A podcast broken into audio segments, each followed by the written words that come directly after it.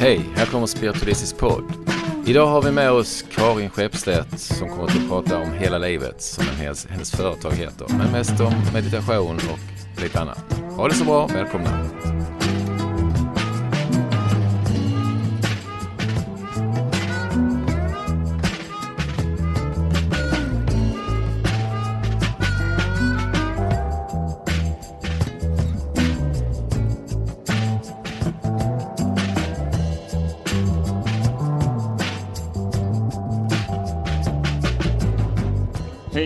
Välkommen till Spiritualistisk podd som ges ut av Stockholms Spiritualistiska förening med mig, Mikael Ek. Och Prallan Allsten. Och idag har vi med oss Karin Skeppstedt från Skåne. Och eh, Karin är musiker och vägledare och eh, utbildad på Musikhögskolan i Malmö och eh, diplomerad eh, där i fagott år 2000. Och eh, hon har spelat i eh, symfoniorkestrar i Sverige och i Danmark. Men sedan 2013 har hon helhjärtat ägnat sig åt eh, väg, att vara vägledare och eh, mindfulnessinstruktör och meditations och kursledare. Och hon har en firma som heter Hela livet. Välkommen Karin! Tack så mycket. Tack Micke och Prallan.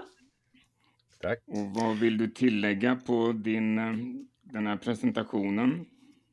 Jag tyckte att den var, den var väldigt fin. Det är kul att höra någon annan presentera sig själv för man glömmer lite tycker jag vad man, vad man gör. Speciellt om man strävar efter att vara här och nu. Eh, jag tycker att det var en jättefin presentation. Det är så det ser ut. Eh, musiken var en jättestor del av mitt liv väldigt länge, från barnsben. Jag är född med en pappa som spelar samma instrument som jag.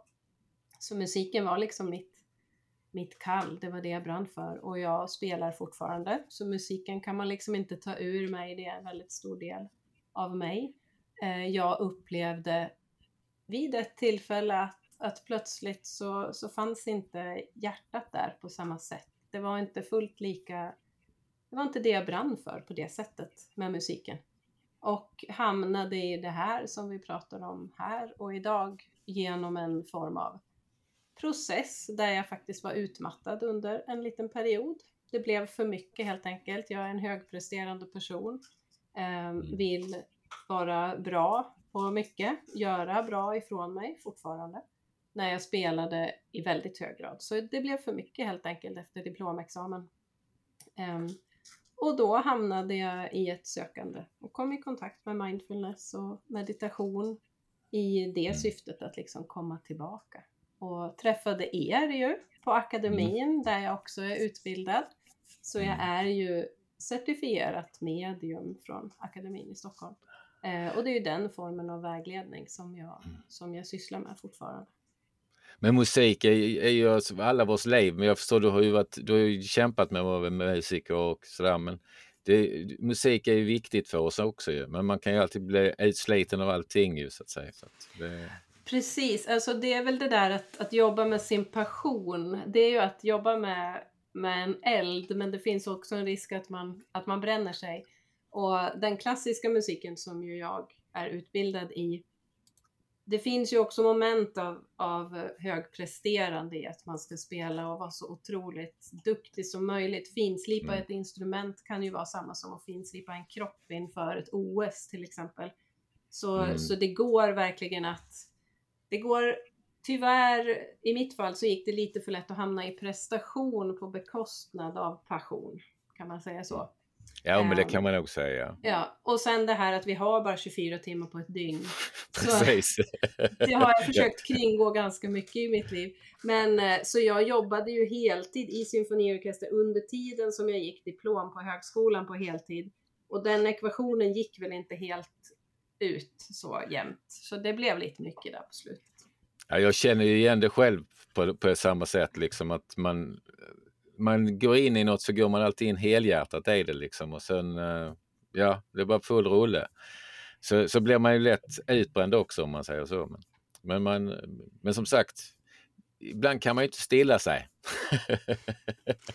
Nej, jag ser det som en styrka idag. Alltså det som gjorde att jag blev utmattad ser jag som styrkor. Alltså det är det att jag faktiskt har förmågan att totalt gå in för någonting, att leva helt i det jag gör med full inlevelse och att, mm. att vara en passionerad person, att jag gör allting till 100 procent. Eh, jag har lite svårt att göra saker med vänsterhanden eller att göra något bara med mm. på 50 procent.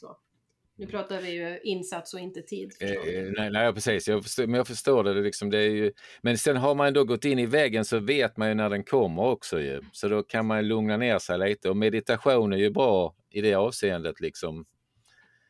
Precis. Bara som också en eh, introduktion här till dig eh, så tänkte jag att fråga dig en fråga som du själv har läst upp i en av dina poddavsnitt, ska man kalla det. De här mm. eh, eh runt nyår sådär. Och då mm. var det här eh, trappistmunken Thomas Merton. Mm. Nu kommer det tillbaka till dig själv här. Och eh, då frågade du, eh, eller han frågade att om man vill lära känna någon ska man fråga den, vad lever du för? Och mm. sen fanns det ju en annan fråga också där.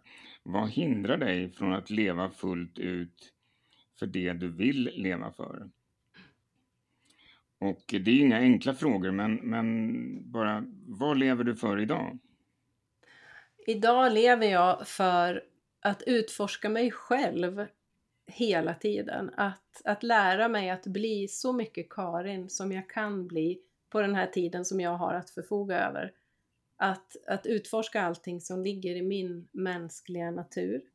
Um, och egentligen räcker det ju med det, men det finns också en sida av mig som, som ropar just nu att det där låter egoistiskt. Man får, inte, man får inte säga att man lever för att utforska sig själv.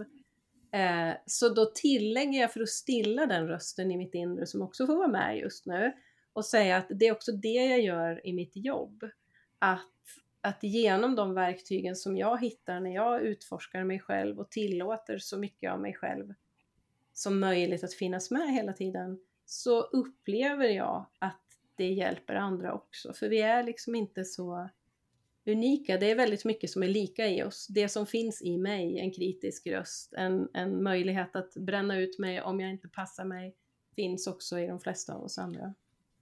Så jag skulle säga ett kort svar på den frågan Micke, så är det att jag, jag lever för att utforska mig själv, att utveckla mig själv till att bli så mycket närvarande som jag kan i livet jag möter varje dag. Utan att blockera eller fly från sidor av mig själv, som jag ju faktiskt har gjort mycket i tidigare år. Jag tycker det låter bra och så egoistiskt skulle jag inte vilja kalla det egentligen som du sa från början. Du, du slutade med att det inte var det heller, men, men ändå så, så att det, eh, det viktiga är ju att man är närvarande och som du säger själv, man måste ju vara trygg i sig själv för att kunna närvara riktigt. Ja. Så, måste det ju vara ju. Men som sagt, det som blockerar en, som du säger också, det är ju det är ens egna rädslor, ens egna bonder och det ena med det andra för att man inte vågar närma sig någon. Oftast. Precis. Mm, mm. Precis. Och vad är det då som hindrar mig? Den andra frågan. Um, en jättebra fråga och jag skulle säga en del av det, kanske allt, är ju tankar, mönster, olika hinder rent mentalt. En del är till exempel det där, ja men kan man göra det här på heltid? Är det, är det liksom okej okay att ägna ett vuxet liv idag, 2023, åt att utforska sig själv Um, och en del som hindrar mig är såklart att jag skyller på att jag har en stor familj som jag behöver finnas för. En av mina svagheter som också är styrkor, det är att jag, att jag har jag har lätt att gå upp i relationer, att försöka hjälpa och fixa och serva mina barn mycket. Eh, nu är de så stora så att de uppskattar kanske inte den där servningen riktigt lika mycket. Men, eh, men vi måste ju skylla på någonting, så när du frågar så från hjärtat, eller när ni frågar så vill jag svara från hjärtat också att det enda som hindrar mig egentligen är jag själv. Och det är också en del av de sakerna jag jobbar med att förbättra. Men man lär ju sig väldigt mycket av sina barn. Av sina, av sig, alltså man, lär ju, man ser ju sig själv på ett helt annat sätt när man har barnen. Jag menar, jag hade ju, jag hade ju knäpp styvfar men så helt plötsligt så upptäckte jag när jag hade barn liksom att jag lät som honom helt plötsligt och då blev jag nästan förbannad på mig själv. Men då lärde jag ju att jag hade honom i mig också, det han ska jobba bort. Så det är mycket man lär sig på det sättet också. Ja. Precis, och jag tycker det är jätteviktigt. Det du säger där Prallan, att det är en av de sakerna som, som är viktigt för mig. Det är att vara tillåtande och accepterande. Att jag har mm. allt inom mig och att alla delar ska få följa med. Det är lite mm. därför mitt företag heter Hela livet. För att jag mm. verkligen har det som, som intention av att allting ska få finnas med. Att mm. vi har med oss arv och programmeringar från våra föräldrar eller de som har funnits runt om oss. Det är ju fantastiskt när man hör sig själv låta som sina föräldrar, eh, på gott och ont. Och, och, så ja. gör vi ju allihopa liksom. Ja. Så allt ska få finnas med, men att vi behöver den här alltså medvetenheten, den medvetna närvaron som jag upplever att jag förstärker i meditation och i mm. mindfulness mm. i olika former. Det blir snällare i livet på något sätt. Allt får vara med. Ja, precis. Men hur, hur var din väg in till meditation? För att eh, ja, du nämner meditation och att vara närvarande och att eh, tankarna ofta hindrar oss från att vara närvarande eller vårt, vårt sinne liksom som. Hur var din mm. väg in till meditationen? Min väg in, den var väl lite som två parallella spår. En del av mig har alltid varit väldigt nyfiken på, på det som är större än oss, den andliga vägen. Jag har alltid haft ett stort intresse för filosofi och psykologi och även, även andligheten. Eh, så det har funnits där lite som en bubblare under tiden som jag ägnade hela mitt liv åt att spela fagott. Då kom jag i kontakt i det via mental träning, för det ägnade vi oss åt för, som stresshantering. När jag sen eh, upplevde utmattningen så kom det in på ett mer konkret sätt via, via mindfulness från psykologen jag gick till då. Och jag började mer regelbundet att utöva den formen av meditation. Det här var ju då för, vad blir det, hemska tanke, ja men nära 30 år sedan. Um, det som hände då för mig var att jag gjorde meditationen och mindfulnessutövandet till en prestation. Jag skulle bli bäst på att meditera. Jag skulle bli världsmästare på mindfulness. Så jag stoppade in det i skallen och gjorde en intellektuell grej av det. Kan man gå diplom och liksom bli jätteduktig på att spela fagott så kan man öva upp en, en liksom, ja jag ska bli bäst på mindfulness. Och då hamnar vi ju så långt ifrån tanken med det som det går, eller hur? Det är verkligen Men det är ju här som sinnet är så spännande för att min mm. upplevelse var att jag mediterade. Min upplevelse var att jag utövade medveten närvaro. För min röst här uppe i huvudet sa att nu är du, nu, nu mediterar vi, nu är vi närvarande. Men kan du förklara efter... det där? För jag, mm. tycker, jag tycker det är intressant för att jag tror att det är en sak som väldigt många gör.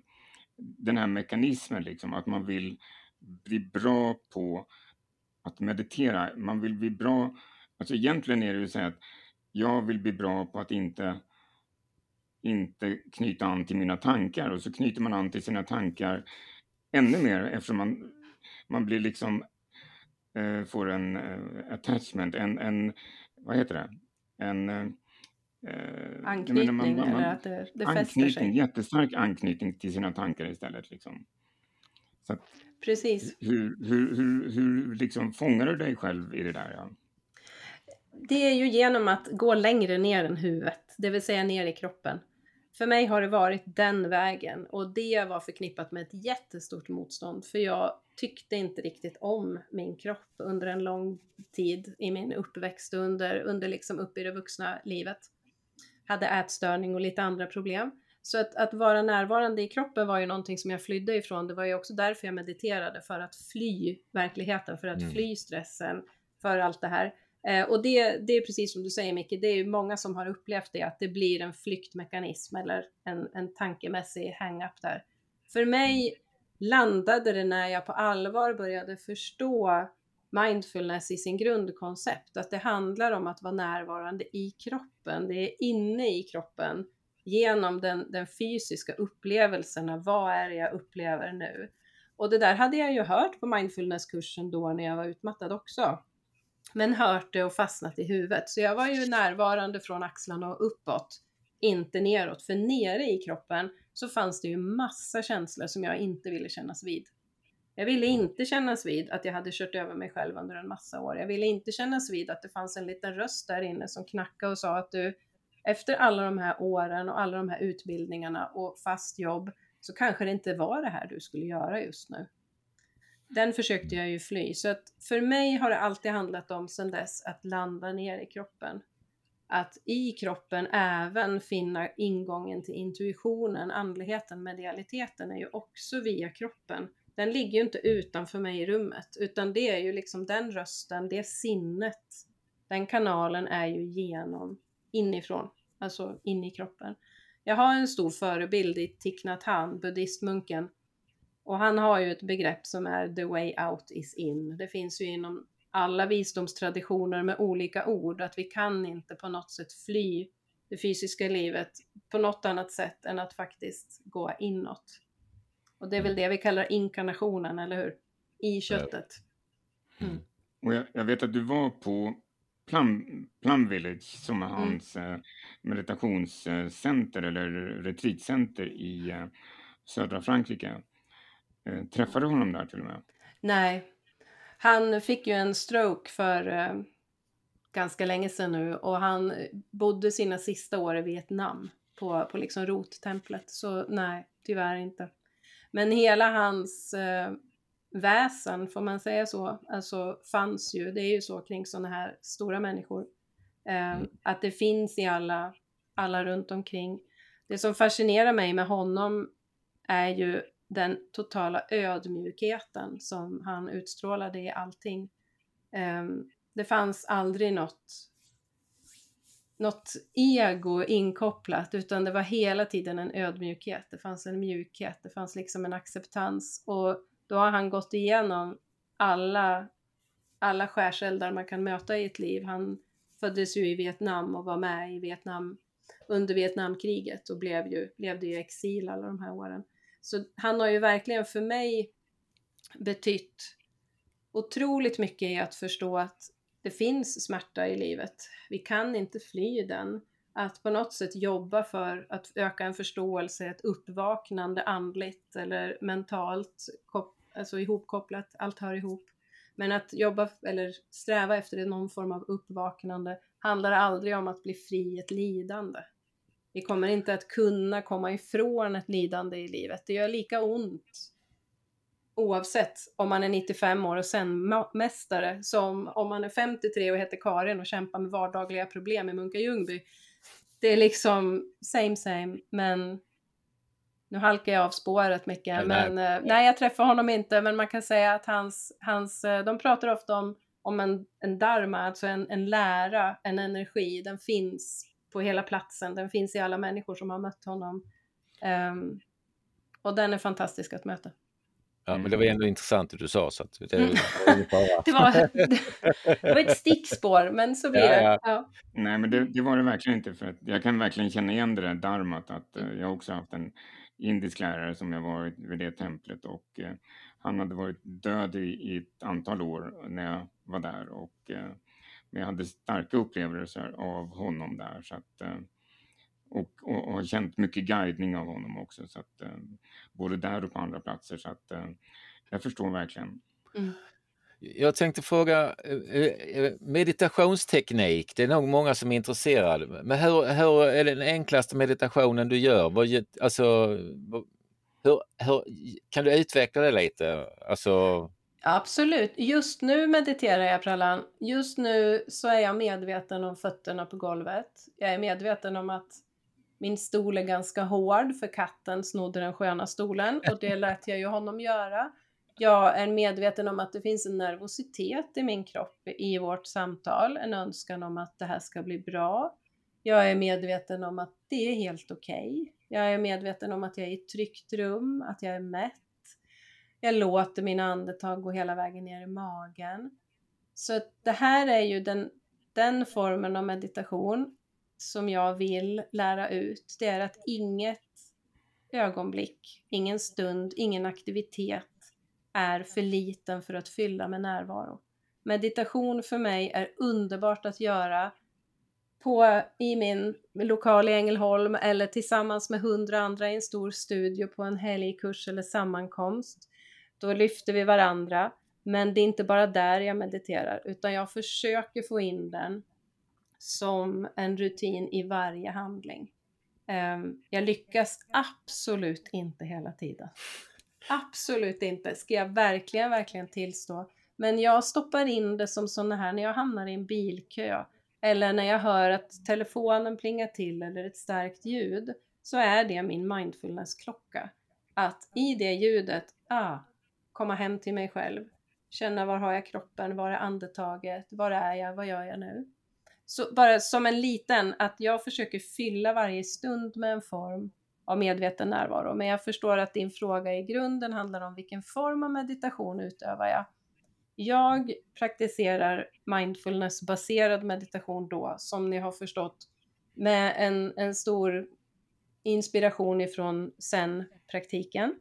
Jag har också en utbildning inom Svenska kyrkans tradition här i Lunds stift, med, där man har en inom Svenska kyrkan eller inom kyrkans kristendomen så finns det också kristen djupmeditation som otroligt mycket liknar den som man utövar inom zen-traditionen. Så vi ser, det här är ju kulturella olika uttryck för att uttrycka samma sak baserat på var någonstans i världen vi är födda. Men traditionen eller den typen av meditation som jag utövar har väldigt mycket mindfulness-fokus. Mm. Det vill säga landa i kroppen, få med sig hela kroppen, så vi har en kroppsmedvetenhet. Sen kan det utvecklas till en massa olika saker. Sen kan vi ju ta in känslan av att vi vill expandera vårt medvetande, till exempel. Um, men då blir det kryddor, då har man det som ett specifikt syfte. Idag vill vi nå det här. Men det handlar aldrig om att fly den mänskliga kroppen, utan kroppen är ingången ut till de olika upplevelserna. Ja, ja. Blev det tydligt? Eller blev ja, det... Ja, nej, det, det var tydligt och bra. Alltså det, det, man kan höra det på så himla många sätt, tycker jag. För att, eh, också en annan sak med kroppen, det är ju att först kan man ju känna andningen och man kan känna fötterna på golvet. Och, men sen har vi också det med energier och sånt där i kroppen. Eh, som man också mm, jobbar med när man jobbar medialt och sådär. Eh, som alla de här energierna, de här strömningarna, att det blir kallt och varmt eller att det bara, att man, att man känner en rörelse i kroppen som egentligen inte har med den fysiska kroppen att göra utan mer med en eterisk kropp att göra. Och, och att fokusera på de strömningarna och rörelserna är ju också väldigt eh, spännande i en meditation. Det, det, jag vet inte Precis. om man kan kalla det det kanske inte finns någonting högre eller lägre där, men, men det är i alla fall en, en, väldigt, in, en väldigt bra uh, utgångspunkt för en meditation, typ, känner jag. Jag brukar eh, vad ska vi säga, prata om det eller förklara det som en yttre och en inre kropp, eller den fysiska kroppen och den inre kroppen. Att när jag har känt min yttre kropp så kan jag också känna det här, precis som du säger Micke, det finns någonting levande i mig. Det finns någonting som är i ständig rörelse, eller hur?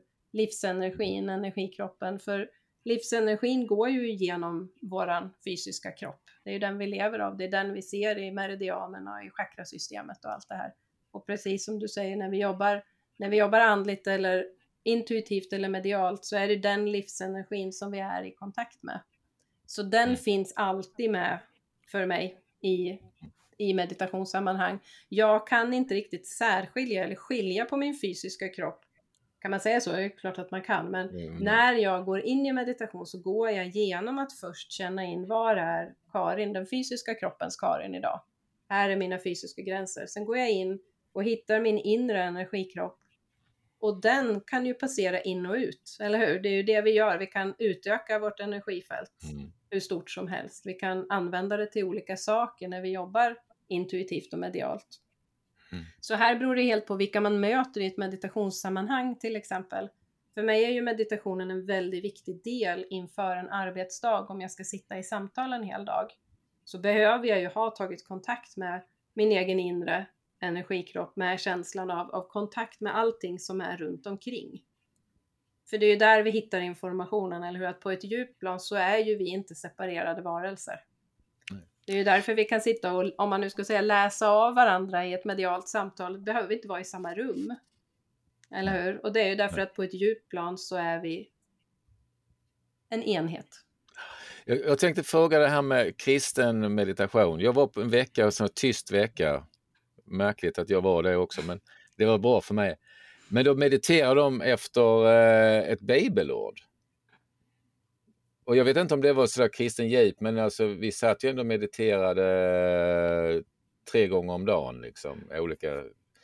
Men då var jag inte så, jag var inte så speciellt kristen då, så jag ville ha något annat att meditera över, men det gick. Han var snäll, prästen. ja, det är bra. Men, men, alltså, men du menar djup, är det då mantra eller är det, det är eh, inte det? Den, den det kristna det... djupmeditationen eh, kan man absolut ta över bibelord ju. Och, mm. och det är ju lite samma sak som, som ett mantra.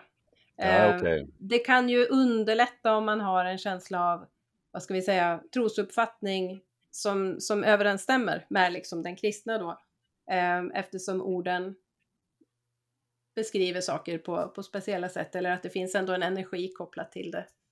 Um, den kristna djupmeditationen så sitter man stilla egentligen utan i grundformen, utan att ha ett mantra eller någonting. Du sitter stilla antingen på en, på en ganska hård bänk eller sån liten pall eller på knä eller i lotusställning, vilket du känner för.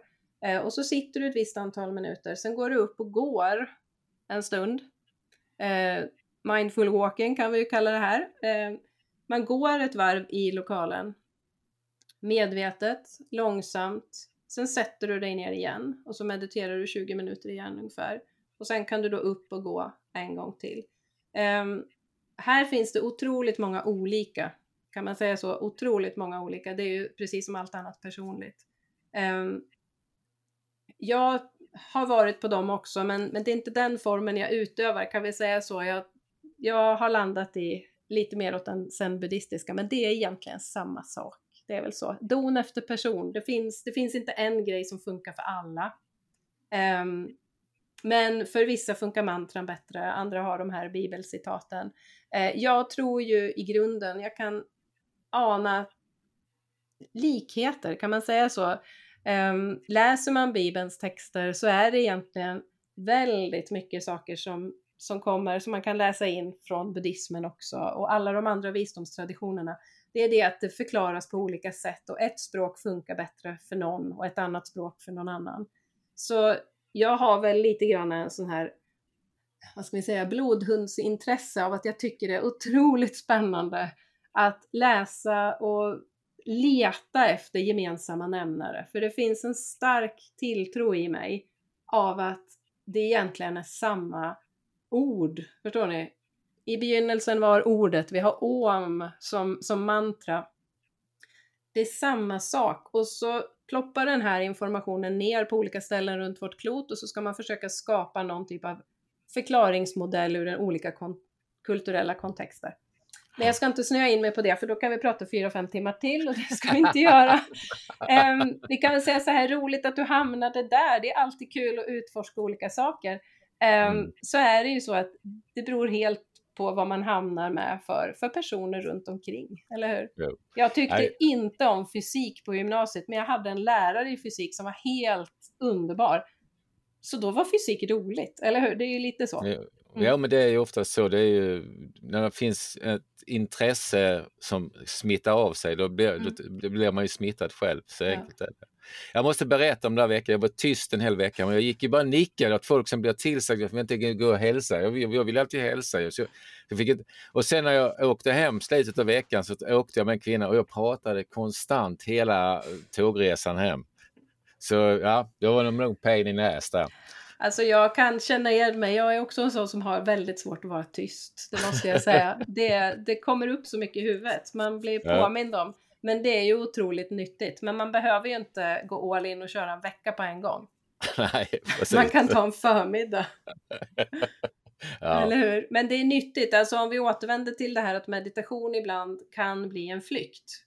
Så lever vi i ett samhälle idag som är så otroligt informationsintensivt. Vi har hela tiden intryck pågående, vilket gör att det finns väldigt få stilla stunder. Och för mig är det väldigt viktigt att skapa dem även i aktivitet. Det vill säga när jag diskar så diskar jag. När jag viker fem miljoner udda strumpor i tvättstugan så gör jag det. Att man kan skapa de här, det behöver inte bli en stor retreat, det behöver inte vara en helgkurs. Jag kan äta middag utan att läsa tidningen eller scrolla Facebook. Är ni med? Det kan skapas mm. en medveten rymd. Och det är väldigt viktigt för mig för att det kommer många människor på meditationskurser eller andliga kurser som önskar få den här känslan av fördjupad närvaro i sina liv. Eller en kontakt med den andliga sidan, den spiritistiska sidan, eller hur? Få kontakt med mm. de som har gått bort, känna att de fortfarande finns där. Men så har vi nonstop-radion igång i huvudet och vi har hela mm. tiden intryck. En del av det är en vana, för det är så vårt samhälle ser ut. En del kan vara en flykt. Mm. Eller en rädsla. Rädsla kan det vara väldigt mm. Men jag måste, det här just med meditation, man ser ju oftast kvinnor som virkar eller stickar. Då är de ju oftast i meditativ. Jag, jag kan ju inte diska för hand för jag blir aldrig färdig. Jag står, jag bara, jag tänker ju inte, jag bara diskar va. Och så kan jag stå där och liksom bara hålla på med disken en timme fast det inte är mycket va. Jag tror så, det är så, helt rätt. Mm. Ja, så, så, att jag tror man ska hitta de där små... Det, det blir automatiskt, va? men jag tror att de här småsysslorna som går av sig själv blir en form av meditativ eh, rörelse så att säga. Ja, och det, det kommer ju många människor som säger att jag kan inte meditera Karin, jag har provat, det är inget för mig. Det där, alltså både mindfulness och meditation kan ju ge negativa associationer Mm. För människor som känner att men jag kan inte sätta mig ner och bara vara stilla. Det är något som kommer inifrån och äter upp mig. Då säger jag, men jag har provat, jag fixar inte det. Och då säger jag ofta det där att ja, men, hitta en aktivitet. Var är din aktivitet där det tystnar lite grann? Eller där tiden plötsligt gör ett litet uppehåll. Och då är det ju precis som du säger, det kan vara disken, det kan vara bilkörningen, låter livsfarligt att meditera mm. när man kör bil.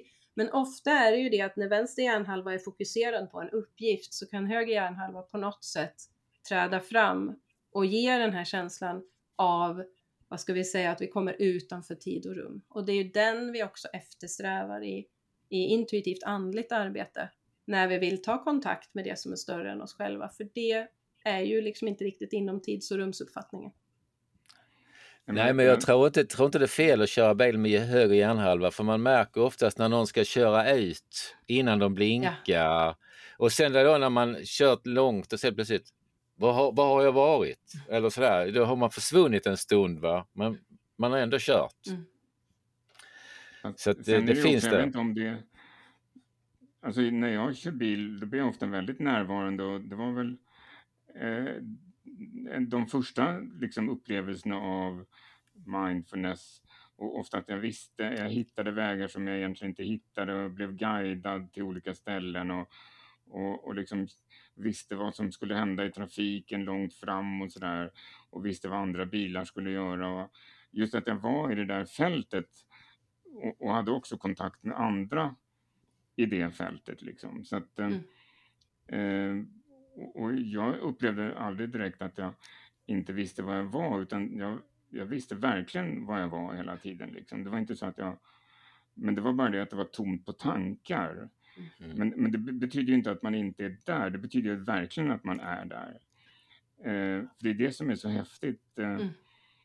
eh, med både de här tankarna att när man sätter sig ner då upptäcker man hur många, mycket man har eh, har någon kompis som sa att eh, när jag ska börja jobba medialt, då bara stänger jag av mina tankar.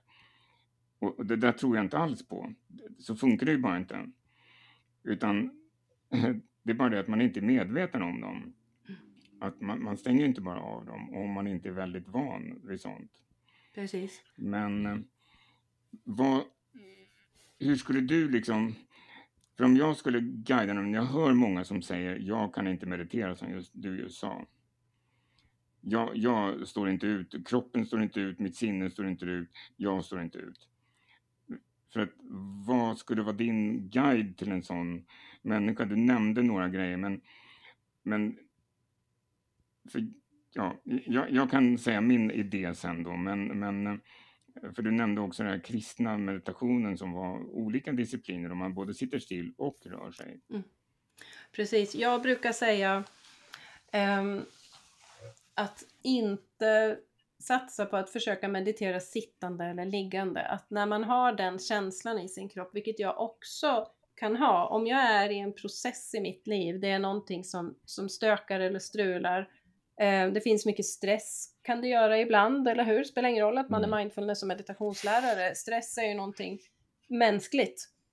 Um, då funkar det inte att sätta sig på en meditationskudde, det kan bli totalt kontraproduktivt. Att säga att ja, men åk iväg på en yogaretreat över en helg och vara i tystnad är kanske inte alls rådet jag skulle ge till en sån person, utan ut och rör på dig, gå en promenad, utan ljudbok, utan podd, de får lyssna på det här någon annan gång, men ut och gå, rör på dig, hitta på någonting annat. Eh, medveten gång tycker jag är jättefint, att man faktiskt går men är medveten om att man går. Eh, annars är det det här otroligt enkla, vad gör du nu? Att bara stanna upp och ställa sig frågan, hur känns det i min kropp just nu? Och här behöver man ju då vara lite försiktig, för är det en person som har ett starkt emotionellt påslag, säg att man har en historia av att man kan känna panikångest, då är det inte jättebra att be dem beskriva vad de känner på känsloplanet. För då kan vi trigga en panikångestattack. Så då är det lättare att säga, men hur känns det under rumpan när du sitter? Känns det under fötterna? Vad säger dina tankar? Det vill säga att man använder sig av, av mindfulness för att skapa en, en bild av vad är upplevelsen av att vara Karin just nu? Tanke och känsla, fysiska förnimmelser. Eh, jag brukar prata om klang eftersom jag inte kommer ur min musikbakgrund. Vad är min klang idag? Ja, den är tämligen lugn, jag är mätt, inte så jättehögt tempo på tanken. Ja, fint. Kan det få lov att vara så? Att börja med att hitta, vad ska vi kalla det? Hitta en rutin där man bara låter saker vara. Förstår du vad jag menar Micke? Att liksom inte göra ett prestations ja nu ska vi meditera, utan att börja med att öka en medvetenhet om att okej, okay, nu känns det så här. Upplevelsen av att jag inte kan meditera är stark i mig just nu. Och så börjar man diska ofta, mm. Mm. Men, men, som jag också upplever det, du, du pratar om det där med ångesten. Mm. För ofta är det ju ångesten, men sen är det ju den inre kommentaren om ångesten dessutom. Mm. Precis. Alltså att vi, vi, vi liksom vi känner någonting och sen kommenterar vi det och sen kommenterar vi det. Och sen har vi en, det liksom, vi eldar upp oss väldigt mycket mm. genom att liksom fokusera väldigt mycket eller lägga väldigt mycket vikt vid våra tankar hela tiden. Mm. Och det är där jag tycker att det är, det är viktigt att vi hittar ner i kroppen. Att se att tankarna kommer alltid att vara där. När de är i huvudfokus så vill de sätta etikett på saker hela tiden. Vi har våran inre kritiker, vi har alla de här personligheterna i oss. Alla har det, de kommer alltid att finnas där. Men om vi tänker ett mixerbord så kan man då välja att skruva ner eller skruva upp volymen. Um, inom mindfulness så, så, har man en övning där man väljer ett, en plats i kroppen som känns behaglig. Mitt i en stresssituation, även mitt om jag känner att jag har en, en stress som skulle kunna trigga en panikattack så kan jag hitta en neutral plats i kroppen, typ vänster armbåge. Sen, sällan vi har några stora sensationer i vänster armbåge om vi inte har inflammation där. Hur känns det i vänster armbåge? För här kan vi ju ta sinnet till hjälp istället för att det skälper situationen. Alltså det är ju den mentala delen som hittar, där finns ju den här rösten. Kopplar jag ner mig i kroppen och ger sinnet något, hur känns det i vänster armbåge? Inte speciellt mycket, det här är helt värdelöst, säger hjärnan då. Ja, men hur känns det i vänster armbåge? Ja, ingenting. Nej, men hur känns det? Alltså att gå in i känslan. Kanske hittar jag ett behagligt ställe. Det är varmt där rumpan möter stolen. Kan jag få den känslan att växa? Att faktiskt bara fokusera, för vi pratar om att fokusera, att skapa ett fokus, cultivating awareness, att odla en närvaro. Att faktiskt odla förmågan att välja vad jag fokuserar på. För vi kan ju trigga, eller hur? Vi kan ju trigga tankar som skruvar igång känslomässiga upplevelser. Det är ju så vårt, vårt fantastiska system i kroppen funkar ju så. Ett högt ljud och hela min alarmberedskap går igång. Tanken startar nya känslor och så är vi igång. Jag, jag, jag tänker på det här som tips skulle man ju då säga att till exempel virka, om du nu virkar, du känner det här lugnet som är då när du virkar eller när du diskar eller när du påtar i trädgården eller när du pysslar med dina grön, äh, växter hemma. Jag tror man kan hitta det genom att äh, Ja, be, be, när känner du det där lugnet, det, när trivs du bäst att göra? Det är ju, då, är, då, då har du den där meditativa känslan tror jag oftast. Mm. Precis. Och det, det är ju ett jättebra ledord, att hitta den känslan, hitta den aktiviteten där du redan har den. Eller hur? Ja, precis. Att, och det är det jag menar med att vi ska inte trycka in meditation eller mindfulness som ytterligare en grej vi ska göra och vara duktiga med, utan vi ska fylla aktiviteterna vi redan gör med närvaro. Och att be personen att hitta det i sitt liv, var någonstans under en dag eller en vecka känner du att ja, där blev det lite mera rymd. För det är det vi hela tiden strävar efter. Oavsett mindfulness, meditation, andligt arbete. Vi behöver hitta en rymd där det skapas en möjlighet för intuitionens röst att komma fram, för känslan av lugn och trygghet att komma fram, för om vi nu ska känna efter att ja, vi är aldrig ensamma, vi har, vi har folk runt omkring oss som har gått bort till exempel. Vi har alla, precis som du sa Micke, den här, den här eh, läromästaren du hade känt av och fått vägledning av fast han inte lever. Men vi behöver skapa rymd. Och rymden handlar ju om att se till att det kommer in ett utrymme innanför eller utanför eller runt våra tankar, kan man säga så? Mm, runt mm, våra impulser. Um, och det är ju det allt det här handlar om, tänker jag. Mm. När vi mediterar inför att jobba eller för er när ni gör en meditation innan en seans till exempel, så antar jag att det också handlar om att, att skapa en, en rymd en när, där närvaron kan ta plats. Även fast tanken förmodligen eh, säger, tror du verkligen på det här? Är det här sant? Är det det du känner? Eller är det bara du som inbillar dig nu? Så säger säkert aldrig era hjärnor, men jag kan säga att min gör det ganska ofta. och jag låter den göra det. Alltså jag har satt en figur på min inre kritiker som är Lilla My i Mumintrollen. Ni kommer ihåg henne där? Liten och röd och alltid tvärsur. Men hon är mm. så himla söt. Så min inre kritiker är Lilla My. Så när hon dyker upp, mitt under en jobbdag kan det komma uh, en sån stress. Vad håller du på med? Litar du verkligen på det här? Tror du på det här? så har jag en figur på mitt jobb med Lilla My. I mässing visserligen, men hon står där. Jättebra Lilla My, välkommen! Du får också vara med här. Och plötsligt så har den där rösten mjuknat. Är ni med? Hon får vara med, mm. men hon står på hyllan längre bort i rummet. Och det är det jag tror med människor som behöver lite hjälp att hitta det här. Du kan redan meditera.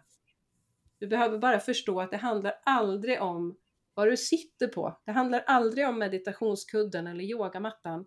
Det handlar om att hitta aktiviteten där du kommer i kontakt med din inre stillhet. För den finns där.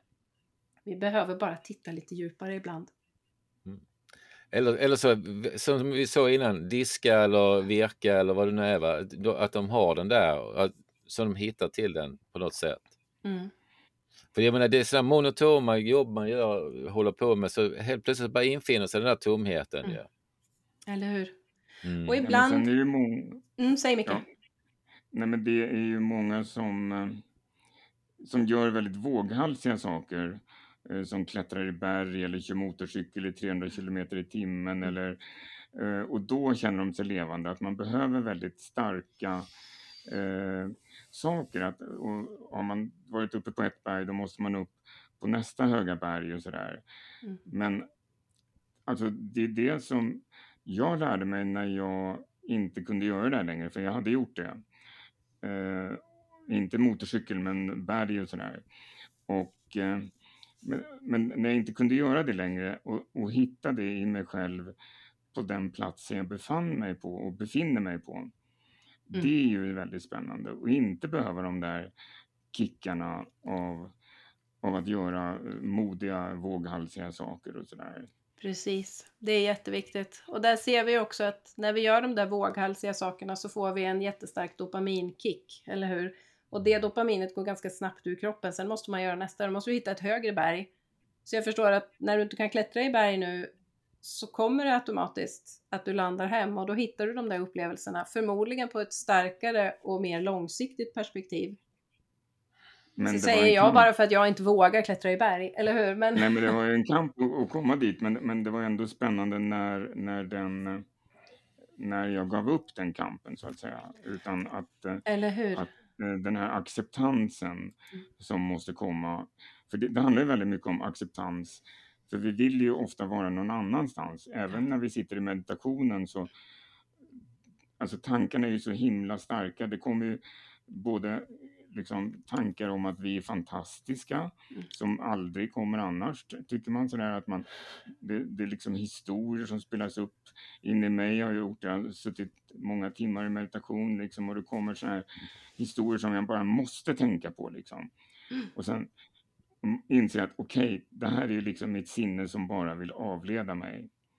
Mm. Men det är så starkt det här sinnet när det, mm. när det sätter igång liksom. Och jag kan tänka mig att när du hade tre månader där i Plum Village, att mm. du fick uppleva mycket av, eh, av de här krafterna som sinnet...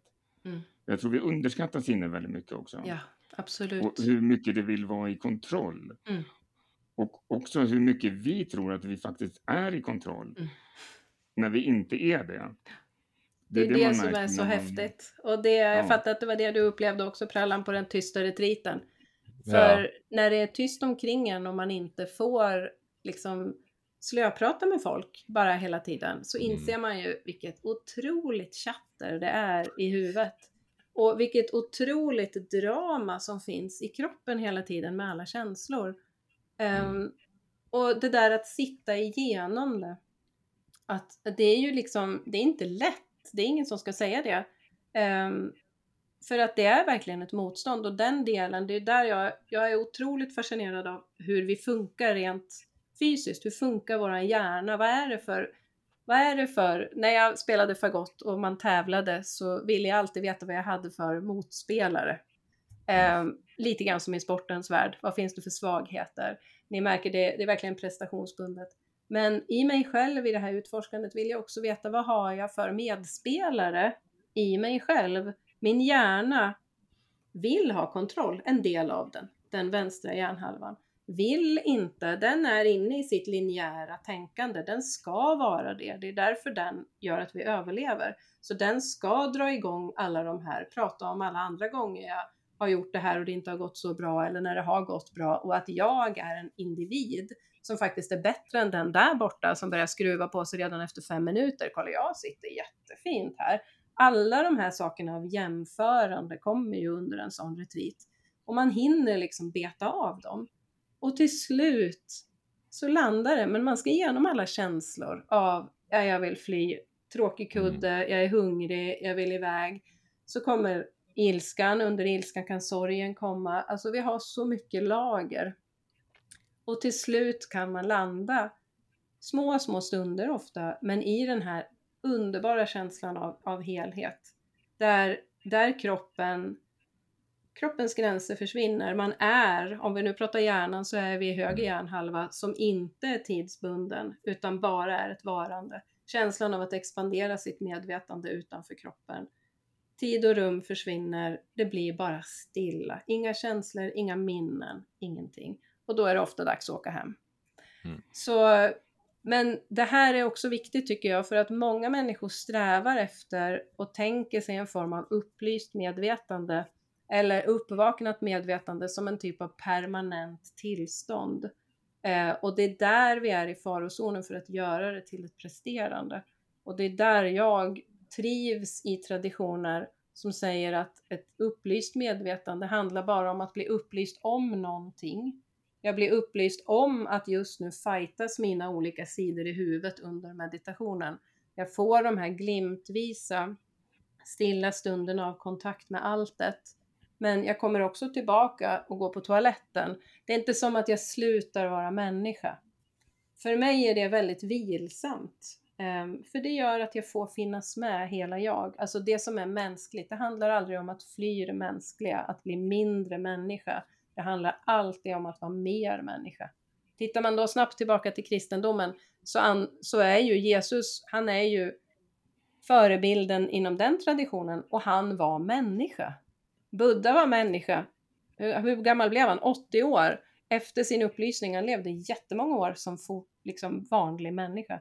Så att där är det viktigt för mig att, att försöka få alla att förstå att det handlar aldrig om att vi ska fly vår mänsklighet. Vi kommer att bli förbannade, det kommer att göra jätteont när, när nära och kära går bort. Vi kommer att vara stressade, vi kommer att vilja trösta äta godis. Jag i alla mm. fall, ibland. Är ni med? Så jo. för mig är det viktigt det här med att, kan man säga, på något sätt avromantisera idealen kring meditation och intuition och mindfulness utan att mista känslan av att det är helt underbart. Mm. Jo, ja. men, men sen är det ju som så det här med att man springer, att man har brått, att man ser till att man har någonting att göra hela tiden. Det handlar ju också om att man flyr sitt mm. lugn, man flyr sitt man flyr sitt inre egentligen. Man pratar, man springer, man gör en massa för att man inte ska vara där. Mm. Man ska inte, det ska inte stanna upp, tankarna ska inte komma i fatten som man har varit med om och så vidare. Och så, vidare.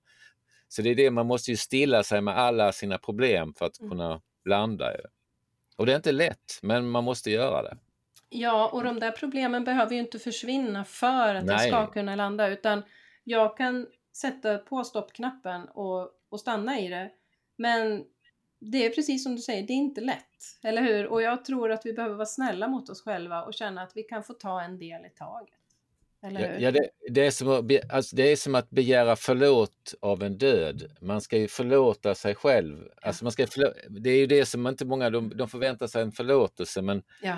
för, förlåtelsen, du måste ju kunna förlåta dig själv för att du bär på det. Ja, precis. Mm. Och då blir, man ju, då blir det ju lättare för en själv också. Ja. Mycket.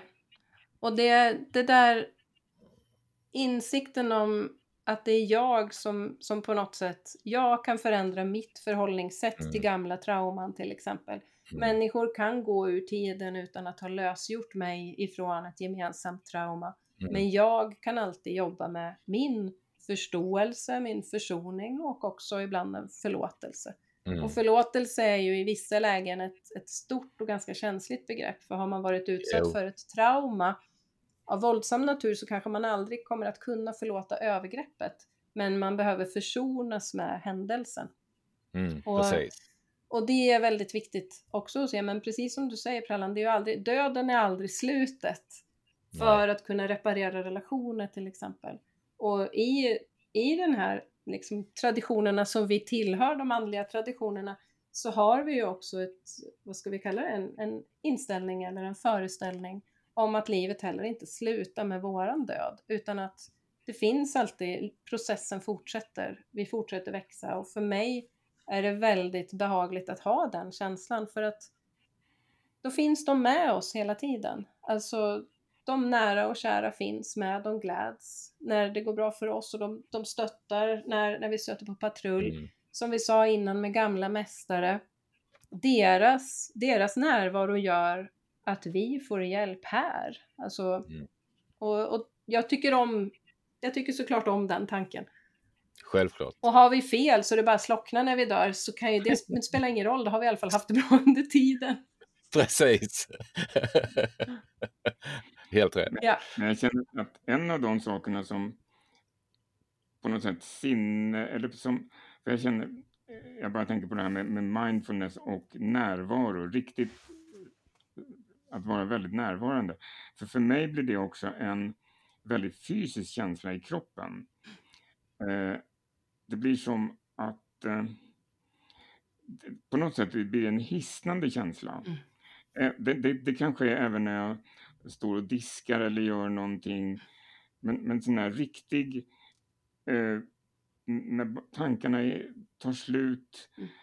och, eh, och det är på något sätt som att det, innan jag vande mig vid det i början, då ville jag verkligen också fly från den Mm. extrema närvaro. Mm. För den blev för mycket, den, den var okej ett litet tag. Mm. Men, men just den här, det, det, det är ungefär som att ramla ner i ett hål. Men, men alltså vara medveten hela tiden och ändå stå på samma ställe men samtidigt falla. Precis, jättebra beskrivning. Eller hur? Ja, och, Mm. men, men också att det är någonting som är läskigt att vara närvarande. Mm. Att, att inte veta vem jag är. Nej. Är det. För det är ju den här petit mort, eh, att den här lilla döden liksom, som Mm. man upplever i livet. Precis. Och det där är ju... Men visst är det en häftig känsla? Alltså den där ehm, känslan av att allting stannar fast det expanderar. Alltså att den där känslan av kontakt är så fysisk. Det är det jag gillar. Att liksom det känns i kroppen. Precis som du säger Micke. Det känns liksom i kroppen. Och det går inte att beskriva exakt för det är individuellt för var och en. Men man, det är ju för att plötsligt så är du bara där och då. Plötsligt är du bara i ditt diskande eller i din joggingtur eller vad du nu håller på med.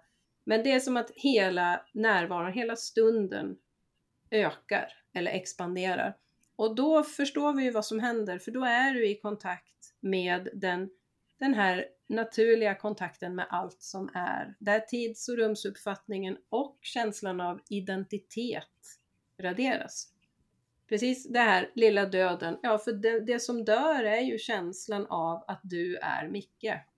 Si och så gammal, just där du är just då med den erfarenheten och den bakgrunden.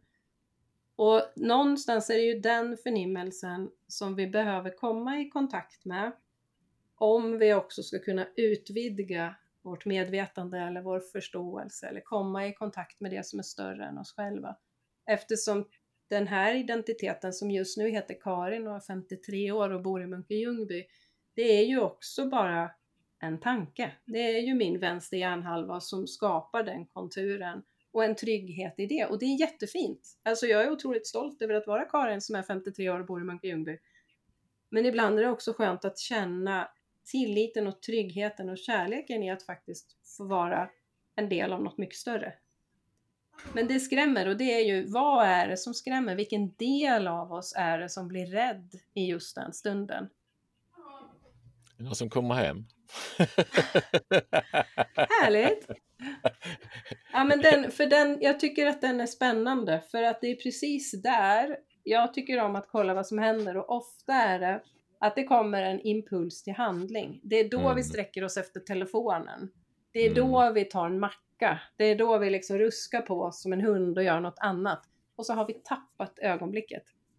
Mm. Så, så den brukar jag vilja att människor lär sig att notera. När kommer den impulsen till handling som drar mig ur den där känslan av närvaro? Och kan Mm. jag sitta igenom den, om jag nu sitter i meditation, och den känslan av ah, där kom något, där expanderade någonting. Ja, Men när, jag när du mycket berättade... av- Ja, förlåt. Säg du Micke. mycket av idag, som du säger, de här distraktionerna. Jag tror att för hundra år sedan var ju distraktionerna mycket färre. Mm. Och eh, till exempel det här med gamla svenska begreppet att kura skymning, som jag själv älskar. Mm. Att man bara följer med skymningen och man tänder inte lamporna utan man följer med, man kan riktigt känna den här fördjupningen i en själv. Mm, precis. att Jag älskar så- också, älskar också kura skymning. Ja, men visst är det underbart. Och, Mm. men, men det är så många av de här sakerna som vi har glömt idag. Som, Mm. Alltså den här telefonen och de här distraktionerna, tvn och allt det andra som vi har runt omkring oss har nog ökat eh, ohälsan helt enkelt. Mm. För vi får aldrig, förut var, förut var man ju naturligt mindful på otroligt många sätt. Jag kommer Mm. ihåg när man väntade på bussen eller bara satt på, på posten och väntade på sin tur liksom. Ja, då, då, då, fick man nästan stanna i sig själv många gånger. Mm. Ja. Jag, jag måste berätta så här, det, det, här är så vackert. Det var det, i mitt ungdomliga stökiga liv. Då låg jag och sov på stranden så vaknade jag precis vid soluppgången och ser solen stiga upp sakta över eh, på östkusten då. Det, eh, och så där alldeles röd och så. Det var en sån där stund som kändes helig på något sätt. Och det, så det, det, är, det är vackert just med Kura skymning också, mm. men det hinner jag aldrig tyvärr. Nej. men, men, eh, men, det är men, kontakten men, till naturen också som du säger där Prallan, att, att vi har ju också tappat den i mångt och mycket. Ja, um, på ett stort plan. Um, mm. Så har vi ju, vi har liksom mycket stadsliv, men även, även jag som bor på landet kan missa kontakten med naturen ibland, för man transporterar sig med bil ofta och vi är inne väldigt mycket mera.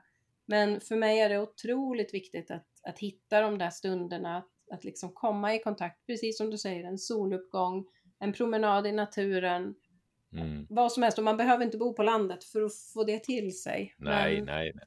Men, och det här med vårt samhälle och handarbete, alltså förstå vad många tankar som har passerat dessa kvinnors mm. Jag älskar att köpa, det låter jätteknäppt, men jag älskar att köpa virkade gardiner och dukar på loppis. Så jag kan inte låta dem, de ligger alltid kvar sist för det är ingen som vill ha dem. Ja, och så känner jag, jag känner nästan bokstavligt kan jag ju säga i samtal med er, av alla de här kvinnornas mm. ansträngningar. Och man kan tänka hur många, hur många relationer har läkt genom att man har suttit och tänkt igenom saker under tiden man liksom virkar en gardin till exempel. Mm. Hur mycket filosoferande har inte hänt när de där gardinerna virkades? Och det kan, ja någonstans så griper det tag i mig i känslan av att det där, jag kan inte virka, jag är faktiskt lite för rastlös för att sitta mm. stilla så länge. Nej. Jag behöver öva på det. Men det griper mig att ja, men det fanns en annan stillhet och sen ska vi inte sitta här och säga att det var bättre förr, eller hur? Nej, nej, vi är för nej. gamla. Men vi förstår vad vi menar, att det, det, är ett samhälle där det kräver större ansträngning att hitta de mm. här stunderna. Um, vi bor på landet och innan de grävde ner ledningarna så hade vi strömavbrott så fort de varnade för, för storm. Och de mm. stunderna i en familj med fyra ungar har ju verkligen varit otroligt fina kvällar. Ehm, där man måste samlas kring små värmeljus och man kan spela Fia med knuff typ eller något annat sånt där. Ehm, det, det är verkligen, nu har vi inte dem längre för nu har de grävt ner ledningarna och då sitter mm. alla vid sina datorer på kvällarna. Um, så, så visst, det, det är en utmaning. Men det var ju vackert så där Ja, men just det här med...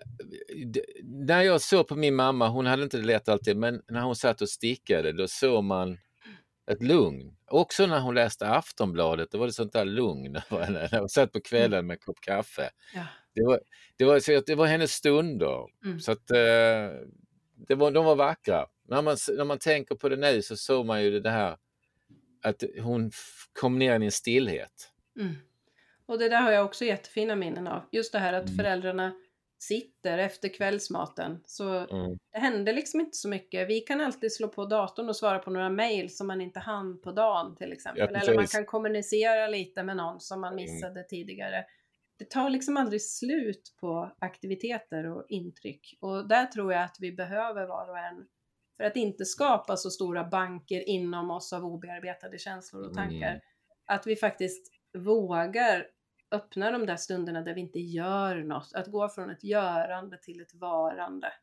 Mm. Eller hur? Och det är ju förknippat med ett motstånd i många. Um, eller hur? Och det, ja, för mig också. Men jag försöker att, att sätta en sån här, okej, okay, motstånd. Att vi pratade lite om det innan, att sätta titlar eller att, att hjärnan sätter etiketter och ibland kan man utnyttja även det systemet till att faktiskt säga vad är det som dyker upp i mig just nu? Aha, motstånd. Mm, oro. För då har jag ställt mig i objektivitet till den känslan. Jag är inte den känslan längre. Och då får jag den här rymden som vi sa att vi behöver ibland för att liksom inte vara mm. fången i upplevelsen. Och då har vi gått från autopilot till att själv ta över rodret.